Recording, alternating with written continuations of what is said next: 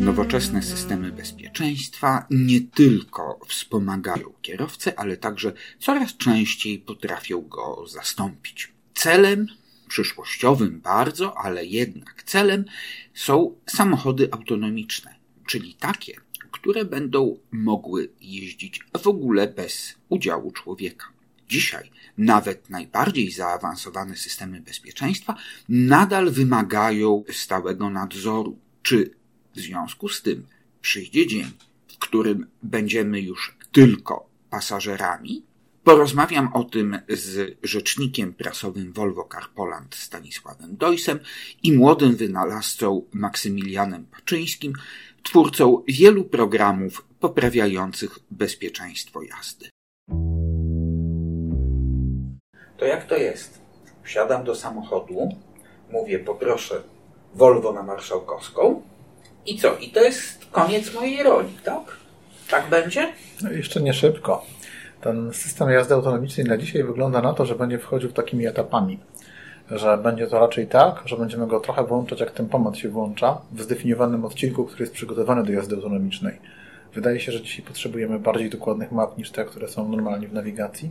Potrzebujemy też legislacji, a więc ten teren, gdzie można taki system włączyć zgodnie z prawem, też jest ograniczony. Na przykład na dzisiaj można to zrobić w Kalifornii. A więc to, ten scenariusz, że tak po prostu wsiądziemy i pojedziemy sobie zupełnie tak jak w robotaxi, to jeszcze nie jest scenariusz dla całego świata i on będzie pewnymi etapami następował. Ale w tej chwili, nawet jeżeli korzystamy z tych systemów autonomii już na trochę wyższych poziomach, tak jak Pilot Assist na przykład, w najbardziej zaawansowanym swoim wydaniu, jeżeli puszczę kierownicę, samochód natychmiast zaczyna na mnie krzyczeć, że mam ją trzymać. Czyli bez kierowcy to się nie obejdzie. A kiedy jakby mówimy o jeździe autonomicznej aktualnie, to musimy to podzielić na jakby segmenty. Jakby na razie w Europie nie ma tej e, e, jazdy autonomicznej tak całkowitej, tak jak ma być to w przyszłości.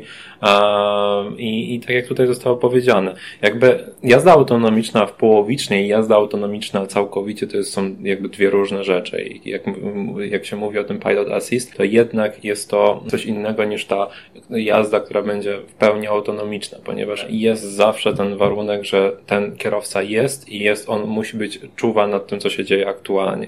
Natomiast y, jakby y, celem jazdy autonomicznej jest jakby usunięcie posiadania aktywności kierowcy przed jakby mm, e, mm, przed prowadzeniem samochodu. I jakby to są dwie różniące się rzeczy i sądzę, że tak jak tutaj zostało powiedziane już, że to jest jeszcze długi etap do tego, żeby była jazda autonomiczna w pełni.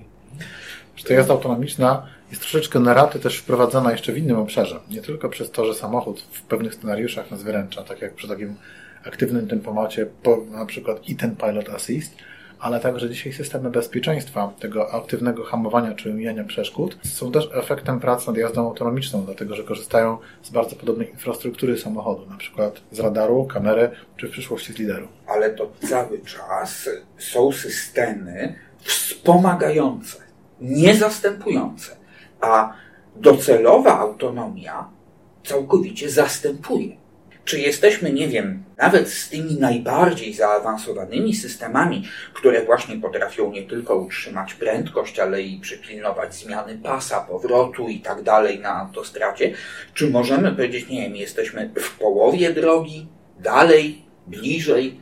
Patrząc na prace, które w ramach Volvo Cars, które była jedną z tych pierwszych firm, które się tym tematem zainteresowały, można powiedzieć, że ten uprawniony efekt nastąpił znacznie wolniej niż planowano. Pierwsze efekty przyszły bardzo szybko i spodziewano się, że kolejne będą kwestią bardzo bliskiej perspektywy czasowej, to będzie już, ale napotkano na kolejne przeszkody. Jedną z nich jest legislacja. Okazuje się, że wiele państw nie ma nieprzygotowaną legislację pod kątem jazdy autonomicznej. Drugą jest to, że trzeba tych danych zgromadzić więcej. Kiedy gromadzimy więcej danych, potrzebujemy mocniejszych procesorów, które do starych platform podłogowych czy do architektury elektronicznej samochodu nie przystawały, wymagały zbyt głęboko idących e, zmian. Zatem ta zmiana wymagała tak, takich zmian w samym samochodzie, że trzeba było kilku kolejnych długich lat, żeby przygotować samochód na jazdę autonomiczną i to jeszcze nie w pełni, tylko ona ma się nazywać w naszym przypadku Ride Pilot. Zapowiedziana jest na 2024 rok w Kalifornii i tylko tam i dopiero będzie rozszerzana pewnie o kolejne kraje. Zakładam, że również kraje skandynawskie, potem Unia Europejska też taką legislację wprowadzi ale czy dzisiejszy poziom, nie wiem, elektroniki, programowania jest w stanie już przerobić taką ilość danych? Nie, jeszcze jakby to musi być jakby, nie mamy jeszcze takich możliwości, żeby stworzyć takie procesory, które będą mogły to wszystko jakby analizować. Tak, musimy przewidzieć tak naprawdę, bo mówimy tak naprawdę o samochodach, nie mówimy o serwerach, które są olbrzymimi serwerami, które mają tryliony obliczeń na sekundę, natomiast mówimy o zamkniętym samochodzie, które w czasie rzeczywistym system to analizuje. I jakby w czasie, jeśli mówimy o samochodzie, to też musimy przewidzieć wiele czynników zewnętrznych. Znaczy zewnętrznych chodzi mi o to, na przykład o ciepło, które wydziela się w samochodzie, że nie możemy tam użyć jakby e, jednego z rodzajów ocieplania, które na przykład jest stosowany w serwerach, normalnie na przykład Amazona czy Google'a.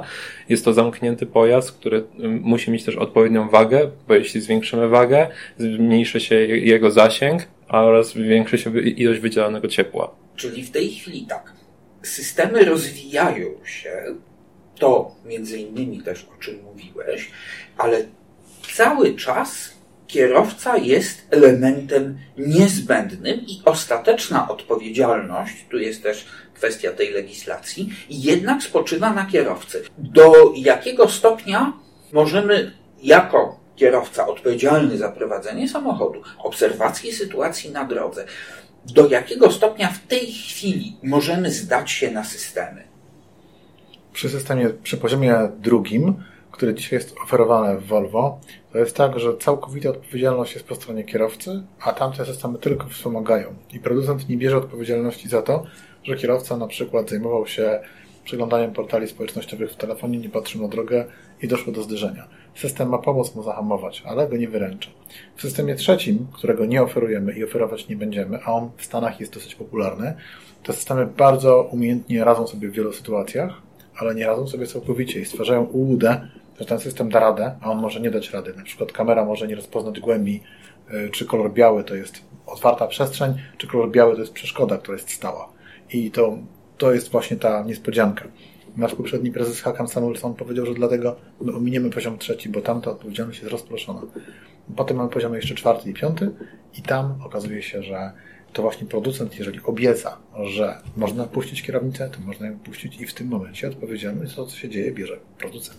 Czyli tak, poziom trzeci nie, ze względu właśnie na ograniczenia technologiczne, ale z kolei, jak mówisz, poziom piąty już jak najbardziej. Czy to nie, nie wiem, nie jest to zbyt skokowo, czy to nie będzie zbyt trudne dla przeciętnego użytkownika do przyjęcia? Zawsze są ludzie, którzy są bardzo otwarci na technologię i to są systemy, które nie będą za darmo. To będzie wymagało dopłaty, pewnie sporej. Zatem osoby, które sobie dokupią ten system, będą chciały z niego korzystać. Ale znowu jest tutaj gwiazdka, no, mogły korzystać tylko w tych obszarach, które będą tego przygotowane infrastrukturą i legislacją. To nie będzie tak, że naprawdę w każdym miejscu świata będziemy w stanie ten system włączyć, przynajmniej nie na początku. Na ile w tej chwili, Waszym zdaniem, panowie, mm, te systemy dzisiejsze, najbardziej zaawansowane, są godne zaufania? Jeśli mówimy o jeździe autonomicznej i o aktualnych systemach, to jakby to są takie klocki, które razem budujemy tą wieżę. To nie będzie tak, że nagle jest wieża znikąd i wyciągamy z pudełka tą wieżę. Jakby wszystkie te systemy, które teraz są, czy to Pilot Assist, czy to dodanie tego lidaru, 360 stopni za pomocą czujników, to wszystko jakby jest jedną z części jazdy autonomicznej, która będzie potem. Po prostu na razie jest to część ta wstępna, która i tak bardzo długo już zajęła czasu, bo to jest e, dziesiątki lat e, i myślenia nad tym wszystkim. Natomiast jest to dopiero początek, moim zdaniem. Jakby jeszcze potrzebny nam jest ten skok taki, który pokaże, że ta jazda autonomiczna jest możliwa w pełni, znaczy oczywiście ograniczona, zwłaszcza w Unii Europejskiej, gdzie jednak są te restrykcje dość, dość duże, co innego w Stanach. Sztuczna inteligencja uczy się, ale jednocześnie, tak jak człowiek nie jest w stanie przewidzieć sytuacji na drodze, gdzie są miliony zmiennych, czy jest w ogóle szansa, że ta sztuczna inteligencja kiedykolwiek osiągnie chociaż taki poziom przewidywania?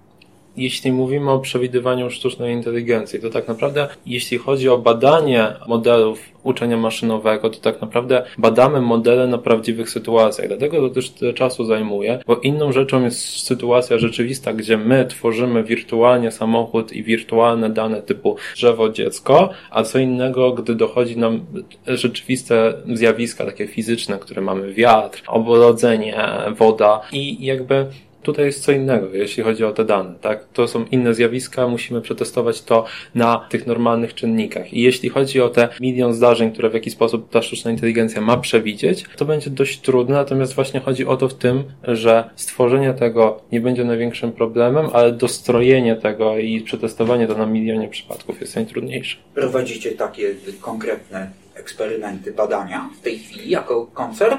Też nie, nie jestem wdrożony we wszystkie działania takie, które dzieją się gdzieś tam za sceną, za kulisami naszych inżynierów, ale wiem, że oni prowadzą wszystkie możliwe scenariusze i zrobienie tych scenariuszy jest bardzo drogie, przeprowadzenie ich. Teraz, ponieważ bardzo ciężko jest odtworzyć wszystkie możliwe scenariusze w czasie rzeczywistym i tak, w taki fizyczny sposób, mm, zaczyna być coś niezwykłego, czyli świat gier komputerowych zaczyna wchodzić do systemów badawczych, do środowiska badawczego, wprowadza się elementy, które są na przykład sztucznym łosiem, który jest zrobiony po prostu oznacz, znacznik jakiś taki pikselowy, taka rzeczywistość mieszana. E, zaczyna się z tego systemu uczyć, ten samochód porusza się po jakimś autentycznej płycie lotniska, gdzie widzi jakieś fizyczne przeszkody oraz te przeszkody, które programowi wpisuje się jako taki, jakie właśnie, jak dzisiaj mamy w rzeczywistości mieszanej, tej rozszerzonej taki samochód hamuje. To jest szybsze. Bardzo szybsze i tańsze, by w ten sposób takiego systemu czegoś nauczyć. Zatem to się też dzieje. Też bardzo ciekawe, że te scenariusze, które trzeba wykonać, są na tyle czasochłonne, że właśnie też ta elektronika przechodzi w sukurs. I te mariaże takie pomiędzy światem elektronicznym, układów graficznych, a motoryzacją są coraz bliższe. Kiedyś to były kompletnie rozdzielne światy. Dzisiaj one są bardzo blisko koło siebie i razem ze sobą. Mm, reasumując, można ufać dzisiejszym systemom, bo ja przyznam szczerze, że jako kierowca no, który uczył się na całkowicie analogowym samochodzie, bardzo prymitywnym, mm, powoli, powoli zacząłem się przyzwyczajać, ale gdzieś jest ta bariera psychiczna, na przykład właśnie przy wykorzystaniu choćby już tego drugiego, o trzecim nawet nie wspominam, stopniu autonomii. Na ile w tej chwili można ludziom powiedzieć, słuchajcie kochani, tu się nie ma czego bać, to zadziała.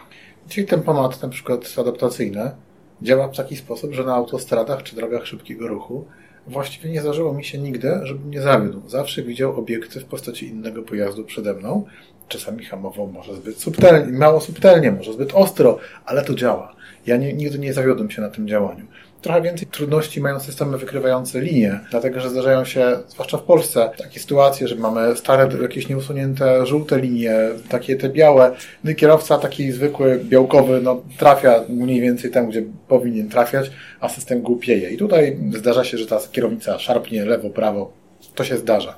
Natomiast dzisiaj te systemy, które mamy, one działają w bardzo wielu miejscach dobrze, a często lepiej niż kierowca, bo systemy wykrywające inne obiekty Zdarzało mi się, że hamowały przede mną, że zanim ja zdążyłem nacisnąć na hamulec, mój system coś zauważył, zahamował. Tak się buduje e, to zaufanie.